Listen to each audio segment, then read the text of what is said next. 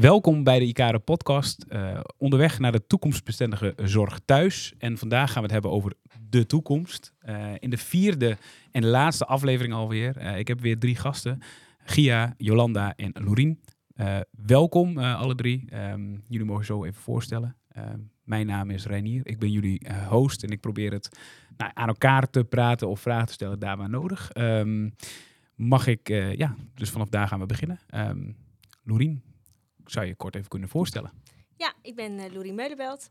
Ik werk bijna tien jaar nu voor uh, ICARE. Altijd als uh, case manager dementie, wijkverpleegkundige. En nu ook als kwartiermaker voor ICARE gewoon thuis. Oké, nou welkom. Dankjewel. Jolanda. Dag, ik ben Jolanda Kracht. Ik ben verzorgende IG. Ik werk op de Noordwest-Veluwe en in Flevoland.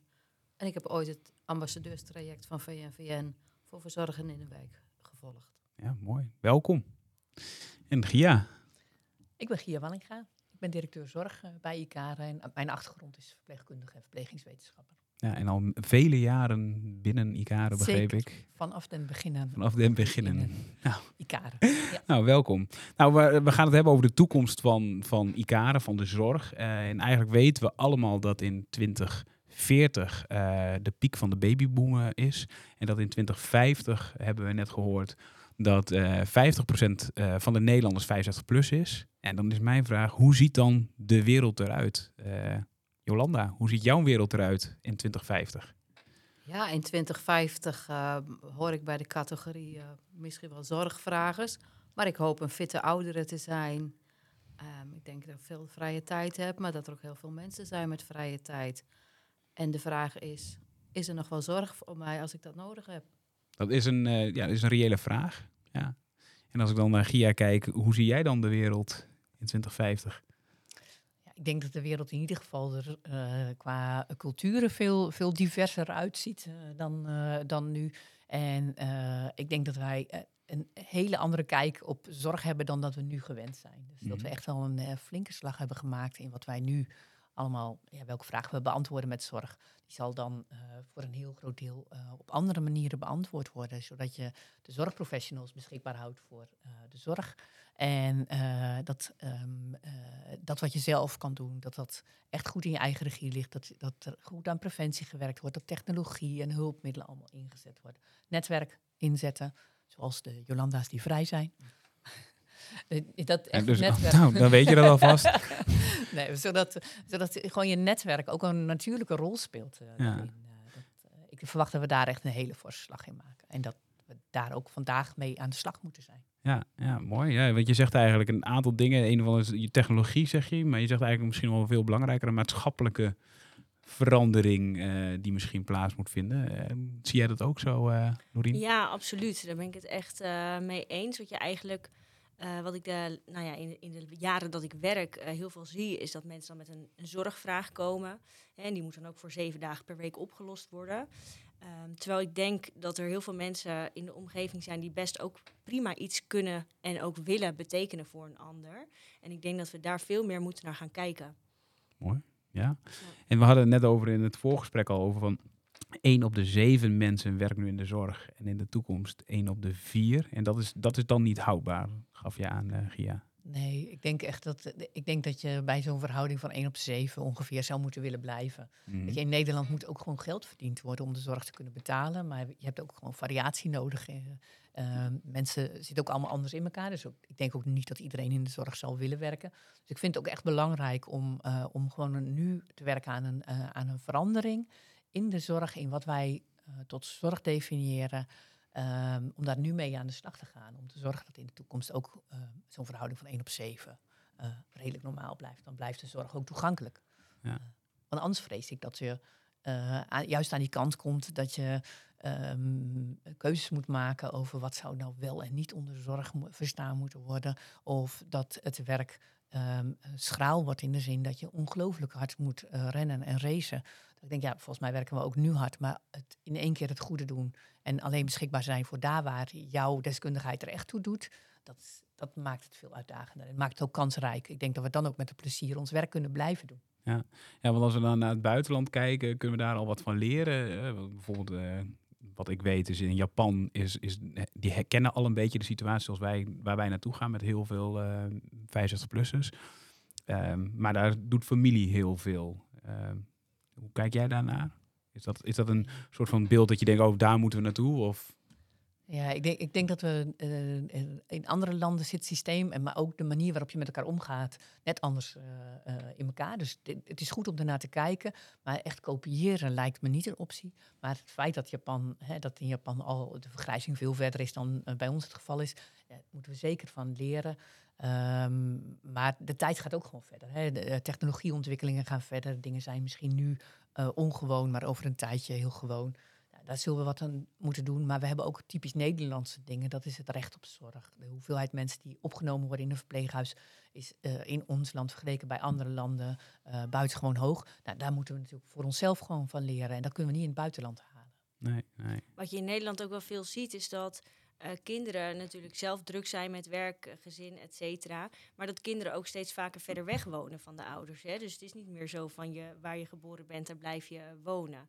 Dus, uh, dus je ziet hier gewoon weinig dat kinderen veel gaan zorgen voor hun ouders. Dus ik denk dat we hem ook veel verder moeten kijken dan alleen maar hè, naar, naar het stuk familie. Maar ik denk dat je heel erg in de buurt, in de gemeenschappen, et cetera, moet gaan kijken. Ja, en ook in, in de eerste podcast kwam het ook al hè, met uh, Ikare gewoon thuis terug. Dat we moeten überhaupt naar dat hele systeem anders kijken. Dus veel meer naar, ja, in, in het noorden van het land zijn ze dan gemeenschap. Ik weet niet of ze dat... Noberschap. Noberschap, ja. In Friesland is het meanskip. Uh, dus ik wil zo hoe zie, zie jij dat ook al terug bij jou in de omgeving? Dat dat steeds belangrijker wordt, die, die nou familie en die gemeenschap? Dat gaat zeker uh, belangrijk worden. Uh, omdat de, de reguliere zorg ook steeds minder kan. En dat er ook situaties zijn dat er gewoon geen uh, personeel beschikbaar is om op dat moment die zorg te geven die je eigenlijk wel zou moeten geven. Ja, ja we hadden het uh, in, de, in de eerste podcast hadden het dan echt over, over de um, aandachtsgevers binnen ICARE, dat het een hele mooie toevoeging is. Hoe zie jij dat dan vanuit jouw rol? Zie je dat ook zo? Of, uh, ja, de aandachtsgevers zijn echt een toevoeging uh, voor de zorgvrager. Mm -hmm. En die kunnen echt die dingen doen die ik niet... Ik kan ze wel, maar mm -hmm. die niet in mijn vak horen. En, um, en dan heb ik tijd om mijn vak uit te oefenen. Ja. En uh, verzorgende en verplegende dingen te doen. Ja, want dat vind ik wel heel mooi. En dat je dat ook zegt van je ziet het echt als aanvulling, deze groep uh, collega's. Op jouw, op jouw specialisme eigenlijk. Het is echt een aanvulling. En als ik dan zie dat cliënten gewoon blij zijn, uh, enthousiast, omdat er vanmiddag iemand is geweest die met ze gewandeld heeft dat maakt mijn zorgmoment ook weer beter mm -hmm. met die cliënt. Ja. Waarschijnlijk is die cliënt veel beter toegankelijk omdat hij goed in zijn vel zit. Ja, mooi. Dus ook dat, dat bereik je daarmee. En dus jij gaat eigenlijk, door, doordat je um, op een andere manier ondersteund wordt, hè, de, de, de, de cliënt wordt op een andere manier ondersteund, ga jij eigenlijk weer met een te, meer tevreden gevoel naar huis. Dat is eigenlijk... Ja, want ik doe meer waarvoor ik opgeleid ben, ja. maar ik zie ook tevredene cliënten. Mooi. Dat is ook heel fijn. Ja, dat is wel, en, dat, en dat zien we dan in de toekomst steeds meer. Dus dat er steeds meer op jouw specialisme een appel wordt gedaan van wat jij, hè, waar jij goed, waar je voor gestudeerd hebt. En dat we die omgeving moeten uh, nou ja, faciliteren voor andere vragen. Dus dat is wel. Ja, ik, ik deel dat absoluut hoor. Dat is, uh, we hebben daar echt gewoon hele stappen te maken met elkaar om um, uh, te zorgen dat die dingen die eigenlijk zorgvraag kunnen voorkomen. Hè? Wat Lorien zei dat straks al mooi. Want je hebt uh, situaties waarin gevraagd wordt om zorg. Maar als je de vraag goed um, doorgrondt, dan gaat het heel vaak ook over van betekenis kunnen zijn, nog contact hebben met andere mensen, uh, dagstructuur hebben, uh, dat soort zaken. Dus ik kan me voorstellen dat onze, uh, onze rol in bijvoorbeeld de wijkverpleging, hè, zoals je, waar je nu aan de slag bent, Jolanda, dat die veel meer wordt. Mensen Um, uh, ook goed uh, toeleiden. Gewoon kijken, wat is nou de echte onderliggende vraag? En kunnen we het weer zo met elkaar regelen dat u daarna ook weer zonder ons verder kan? Dus dan ben je niet alleen preventief aan de slag, maar je bent ook uh, aan het kijken op met welke structuur kun je het toch weer zelfstandig regelen. En ik weet dat mensen um, echt heel graag contact met ons hebben. Maar ik weet ook dat mensen, doordat hun dagritme dan op een gegeven moment door zorgverleners bepaald wordt, het ook weer fijn vinden als je eruit bent. Dus als iemand zelf regie daarover kan hebben, zelf zijn leven kan indelen, zelf zijn dag kan indelen, contact kan hebben met wie die heeft, met, die, met wie die graag contact heeft, dat dat nog van veel grotere betekenis is. En als mensen er dan wel op kunnen rekenen dat we er zijn voor die momenten dat het super noodzakelijk is, dat echt onze kennis heel erg nodig is. Ja, daar, daar denk ik dat we het verschil in kunnen maken. Maar die beweging moeten we wel vandaag inzetten. Ja. ja, heel mooi.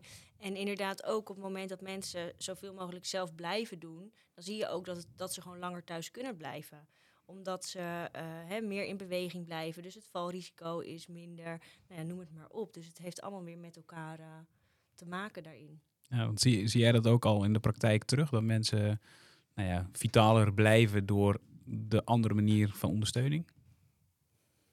Ik zie dat mensen geregeld weer naar buiten gaan, uh, die echt jaren amper buiten kwamen. Die de molen in het dorp eens een keer weer gezien hebben en echt uh, daar uh, blij van worden. Hun eten weer koken twee keer in de week met een vrijwilliger of met een, of met een aandachtsvelder in plaats van een kant-en-klaar maaltijd. Veel meer genieten daarvan. Ja, mooi. Dat zie je, hè? Dus dat zulke kleine verschillen zo'n impact kunnen maken in het leven van mensen. Hè? Dat vind ik echt wel. En, en als je nu kijkt naar die veranderende wereld, hè, de toekomst, uh, wat betekent dat dan voor de intramurale uh, zorg? Want blijft die dan, hè, we weten dat thuiswonen steeds belangrijker wordt. Dat, daar zijn we het volgens mij met z'n allen wel redelijk over eens. Maar wat betekent dat dan voor de, in, de intramurale cliënt? Ja, wat je natuurlijk zal gaan zien is dat mensen op, in een later stadium opgenomen gaan worden intramuraal. Dus dan zal je waarschijnlijk zien dat de zorg intramuraal ook complexer wordt. Hè? Dat mensen met verschillende gezondheidsproblemen bijvoorbeeld aankomen. Misschien niet eens meer um, uh, fysiek iets, iets kunnen of uh, hè, meer gedragsproblemen. Ik, ik kan me voorstellen dat die zorg daar gewoon complexer wordt. En ook van kortere duur, omdat iemand dan toch vaker al in het latere eh, stadium uh, zich bevindt, zeg maar. Ja, we noemen, ik hoor ook wel eens de IC, de IC van de ouderenzorg wordt het dan, hè? Dus dat. Ja. Maar jij gaf net wel een, ook een andere invulling van hoe de intramurale zorg kan zijn. Ja, ik, ik, ik kan me voorstellen, hè, wat, wat, wat, wat Lorien mooi uh, schetst, is de, de, je krijgt een ander soort uh, vraag. Um, wat we nu zien is dat de aanname meer is dat op het moment dat iemand wordt opgenomen in een verpleeghuis, dan blijf je daar tot het einde van je leven. Um, ik kan me ook voorstellen dat we gaan zoeken naar wat zijn momenten in het leven waarin je iets kan betekenen. Hè? Je hebt het, aan de ene kant de kennis van het verpleeghuis, die kan mogelijk ook in de thuissituatie meer gebruikt worden. Dat wordt al steeds vaker gedaan.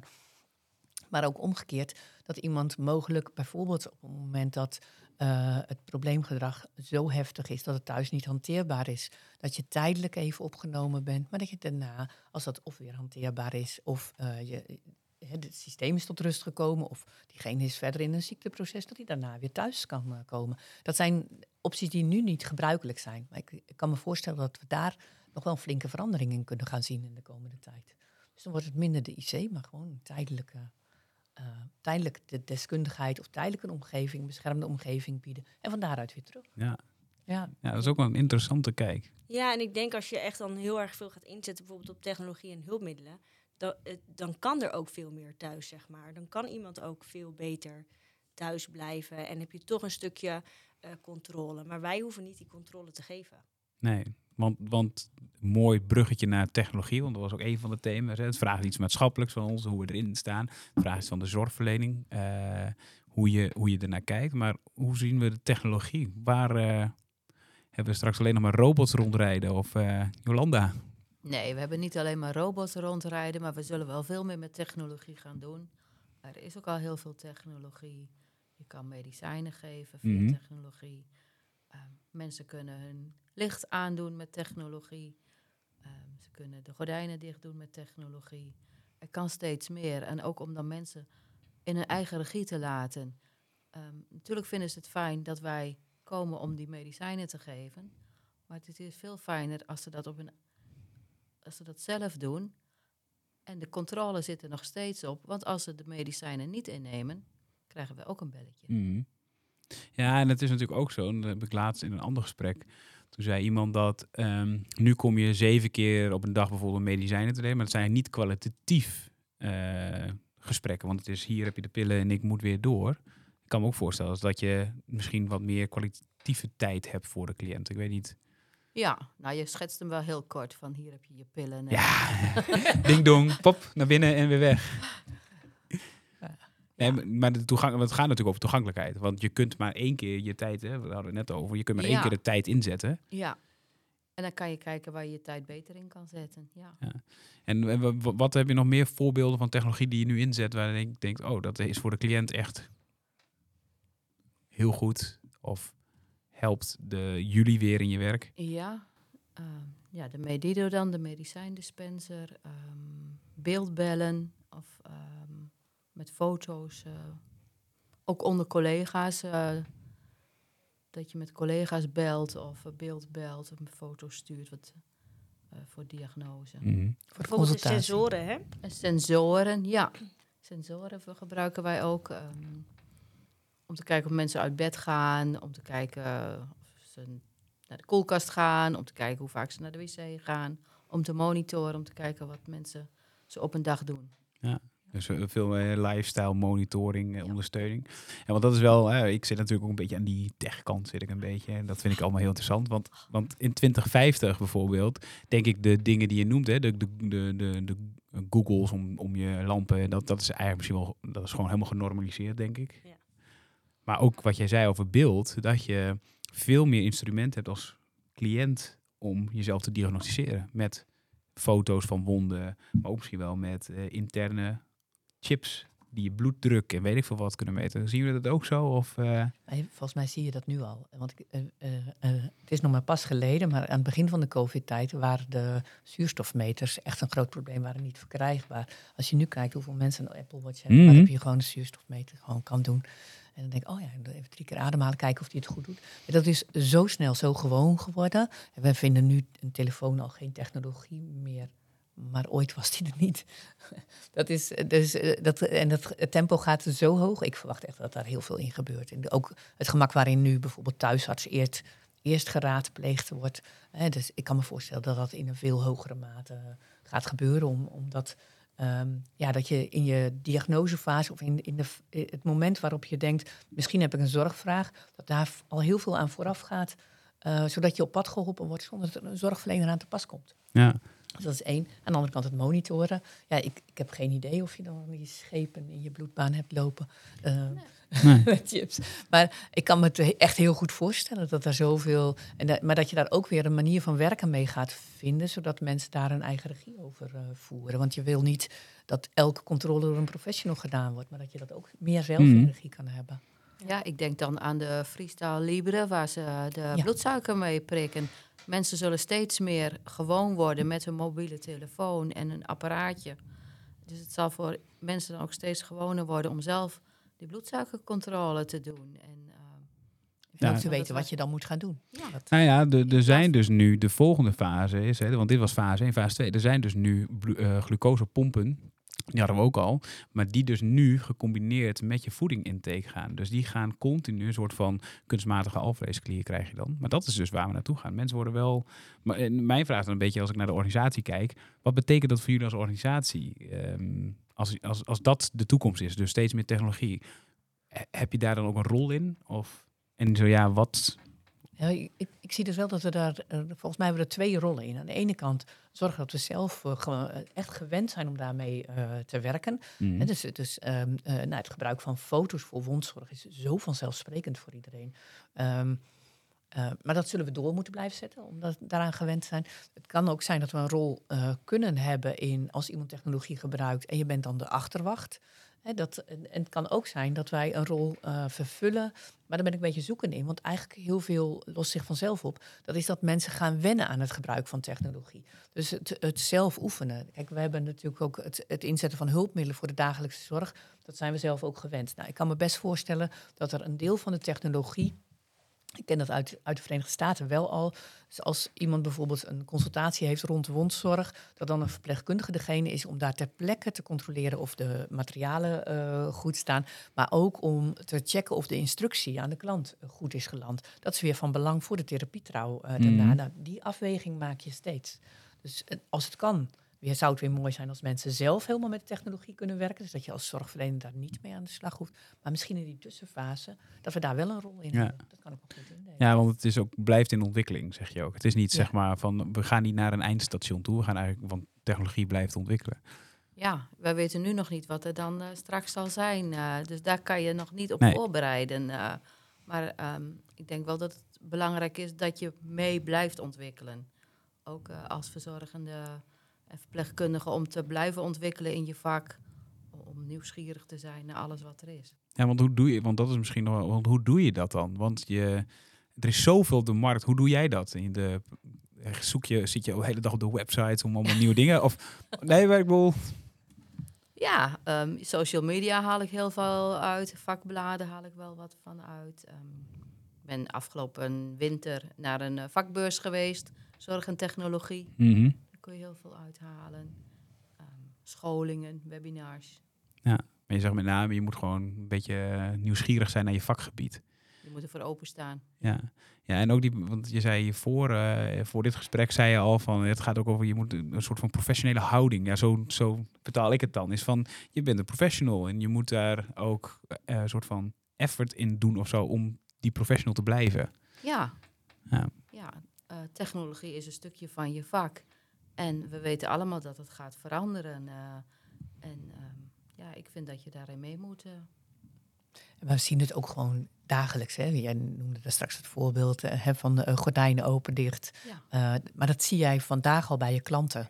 Eh, en ik denk als je we nog even wat verder kijken... en we kijken ook hoe de jeugd met bepaalde ehm, eh, technologie omgaat. Nou, als je die combinatie maakt, is gewoon, gewoon in de maatschappij kijken... dat van daaruit komt al heel veel voorhanden... Hè, wat gebruikelijk eh, eh, aan het worden is. Eh, maar daar moeten we wel oog voor hebben en houden. Ja. Dat, eh, Ja, en als case manager vind ik het ook altijd wel belangrijk om juist te gaan kijken naar hoe kunnen we ervoor zorgen dat de cliënten kunnen blijven leven. En dat ze gewoon kunnen blijven doen wat ze altijd al graag gedaan hebben. Ja, als iemand graag op de fiets erop uitgaat, eh, maar kinderen zeggen ja, doe dat toch maar niet, want ik ben bang dat je gaat verdwalen. Eh, hè, maar dat je kan zeggen, nou, we geven een GPS-horloge mee en op die manier kunnen we, hè, kan, kan je hem altijd eh, traceren, zeg maar. Dus dat soort oplossingen, juist ook om ervoor te zorgen dat de cliënt gewoon zijn leven kan blijven leven zoals hij gewend is en graag zou willen. Dat vind ik vooral ook heel belangrijk. Ja, alleen dat is een hele mooie visie. Maar vaak zijn de, is de omgeving wel bepalend voor wat wel en niet ja, gebeurt, zou ik het zo zeggen, voor, voor een cliënt. Eh, wat is jullie ervaring daarmee? Volgens mij is dat, is dat eh, het is een spijker op de kop. Want, want het zijn natuurlijk ook heel vaak de mantelzorgers, de kinderen die zich bijvoorbeeld zorgen maken over hun Mhm. ouder, die van daaruit een zorgvraag stellen. En dan is het onze rol om juist in gesprek te gaan met diegene van waar maak je je nou echt zorgen over? En om dan te kijken welke oplossingen zijn daarvoor. Maar ook, ehm, is het terecht? Ehm, en want dat is denk ik het mooie wat Laurien net zei als je i- echt insteekt op het echte leven van iemand, over wat hij echt belangrijk vindt in zijn dagelijks leven, dan kan het zijn dat iets voor een van de kinderen een probleem is, maar voor diegene zelf niet. Dat, dat het in het leven heel essentieel is. En daar moet je wel eh, ook het moeilijke gesprek af en toe over aangaan. Maar als je het gesprek niet voert, dan kan het zijn dat iemand zorg krijgt voor iets wat hij helemaal niet wil. Nee. Nou, dat, dat moet je niet willen. Dus, dus aan de ene kant het gesprek voeren, maar ook het ehm, goed uitpellen over wat is nou de onderliggende vraag. Ja. En hoe kun je dan uiteindelijk je leven blijven leven? Want gezondheidszorg is maar een fractie hè, van het leven. Ja, want, want herken jij dat in de praktijk ook? Dat soort gesprekken over dat een familielid wel iets wil en dat jij, maar dat de cliënt eigenlijk een andere behoefte heeft? Of, Ja, die gesprekken zijn er zeker. en, en zijn die lastig? Of, of ja, vul ik hem al Meestal in. Vul ik wel. hem al in. Meestal, wel, zijn ja. ze wel lastig, want ehm, als er een zorgvraag komt, is vaak de eh, gedachte dat wordt wel opgelost door ICARE Ja. of een andere zorgorganisatie. Ja. En ehm, ja, wij moeten er gewoon naartoe dat dat niet meer kan en dat dat niet meer is. En dat er opgelost wordt ook ehm, in het netwerk of door technologie. Omdat dat ook voor de cliënt veel beter en veel Mhm. fijner is. Ja, en, en, en natuurlijk dan, eh, wat jij ook zegt, op zoek naar die onderliggende gevoelens. Hè? Dat van bijvoorbeeld dat mensen, en met name zie je dat intramuraal vaak van, oh, mijn, mijn eh, vader, moeder, eh, die dwalt, dus die mag niet naar buiten, want hè, er zijn allemaal risico's.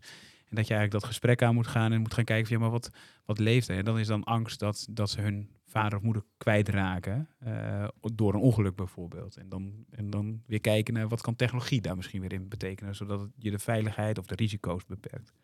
Dat is ook wel het gesprek wat jullie, denk ik, dan aangaan. Ja, maar hij is, hij is op verschillende niveaus. Hè. Dus je moet het gesprek natuurlijk met, met die familieleden Mhm. eh, en met de ouderen zelf eh, aangaan. Maar we hebben ook een hele hoop dingen, dat die zitten gewoon bij ons in de maatschappij. Hè? Dat als er, een, Mhm. eh, als er een risico is, dat je dat risico dus wil afdekken. Terwijl, eh, ja, je moet steeds even kijken, wat is nou echt belangrijk in je leven? Maar we hebben ook een aantal regels. We hebben de afgelopen jaren natuurlijk gewerkt in de, in de verpleeghuizen met een kwaliteitskader. Met goede bedoelingen hoor. eh, over eh, het is alleen maar goede zorg als er zoveel professionals op een groep eh, aan het werk zijn. Nou, waar het goed voor is, is dat het werk goed te doen is. Maar in het echt heb je ook gewoon te dealen met eh, dat je met ehm, eh, familiezaken wil regelen. Of dat niet een professional de echte oplossing is, maar dat er een hele andere aanpak gewoon heel wezenlijk kan, eh, ehm, eh, kan helpen voor iemand of veel, veel welkomer is. Ehm, we hebben in het voorgesprek ook al gehad over iemand, volgens mij kwam diegene bij jou vandaan, die bijvoorbeeld thuis heel goed in staat was om te stofzuigen. Maar in onze manier van werken, zoals het is, intramuraal is, past dat eigenlijk niet. Dus waar we nu landelijk ook aan de slag zijn, is we hebben te maken met een ander kwaliteitskader. Dat hebben we ook nodig, gewoon ook voor de kwaliteit van leven van eh, de mensen zelf. Dus eh, daar waar regels beklemmend zijn, zoeken naar nieuwe oplossingen. Andere manier van aanpakken, zorgen dat mensen vitaal eh, in beweging blijven. Maar misschien wil jij er nog iets over vertellen. Ja, nee, ik denk inderdaad dat je, dat je ook intramuraal heel veel kan gaan kijken naar hè, wat, wat kan een cliënt hier betekenen. Hoe kan die ook betekenisvol zijn voor de ander. En eh, natuurlijk heb je, zal je op elke afdeling eh, cliënten hebben eh, hè, die dat niet kunnen. Maar er zijn er altijd wel een paar die iets voor de ander kunnen betekenen. Al gaat het om even koffie zetten of de boel afruimen. Het kan ja, op allerlei manieren zijn. Maar iemand is in beweging en voelt zich ook Mhm. betekenisvol. Ja, dat vind ik echt heel belangrijk. Ja, want je zult dus veel meer naar die van zorg meer naar kwaliteit van leven moeten, meer naar oh, eh, preventiekant. Hè? Dus dat is wel een duidelijk signaal ook wat jullie geven. Dat je eigenlijk het woord zorg is eigenlijk impliceert eigenlijk al het feit dat je iets over gaat nemen of zo. Ja. Ook dat, dat zorg het antwoord is. En ik denk dat we Ja. daar dat gesprek over moeten eh, voeren. En zo zijn we ook opgebouwd in Nederland. Hè. We hebben een verzorgingsstaat, we hebben recht op zorg. Dus Zo zit het ook allemaal in wetten. Dus dat moeten we ook, daar moeten we een, een nieuwe taal met elkaar voor eh, bedenken. De, eh, die wel helpend is. Hè, om, Ja. om gewoon te zorgen dat zorg in de toekomst wel toegankelijk is voor daar waar het echt noodzakelijk is. En eh, ook noodzakelijk blijft. Ja, en omkijken naar elkaar. Ja. Dat is echt belangrijk, ja. Nou, mooi. Ja, we komen al eh, richting het einde van onze podcast. Ja, het gaat eh, sneller dan dat je denkt. Ik denk dat jullie een hele mooie samenvatting gaven van, van waar het naartoe gaat en ehm, wat het betekent. Hè? Dus voor, die, voor de mens, hè, dat we anders moeten kijken. Ik vond jou een appel eh, richting je collega's van de zorg van... ja, maar je kunt wel stil gaan staan en wachten, maar dat moet je niet doen. Je moet gewoon in actie komen. Dat gaf jij ook aan van, het moet nu en niet over een jaar of eh, vijf, want dan ben je gewoon echt te laat. Dus ja, ik hoop ook dat de collega's die luisteren en kijken van dat ook oppakken. En nou ja, jullie altijd kunnen benaderen, denk ik, voor eh, van gewoon hoe doe ik dat dan en wat, nou, hoe doe jij dat dan? Ik denk dat dat een hele mooie ja, oproep is ook naar hun. Dan bedank ik jullie nu voor de podcast en eh, nog een eh, tot de volgende aflevering misschien.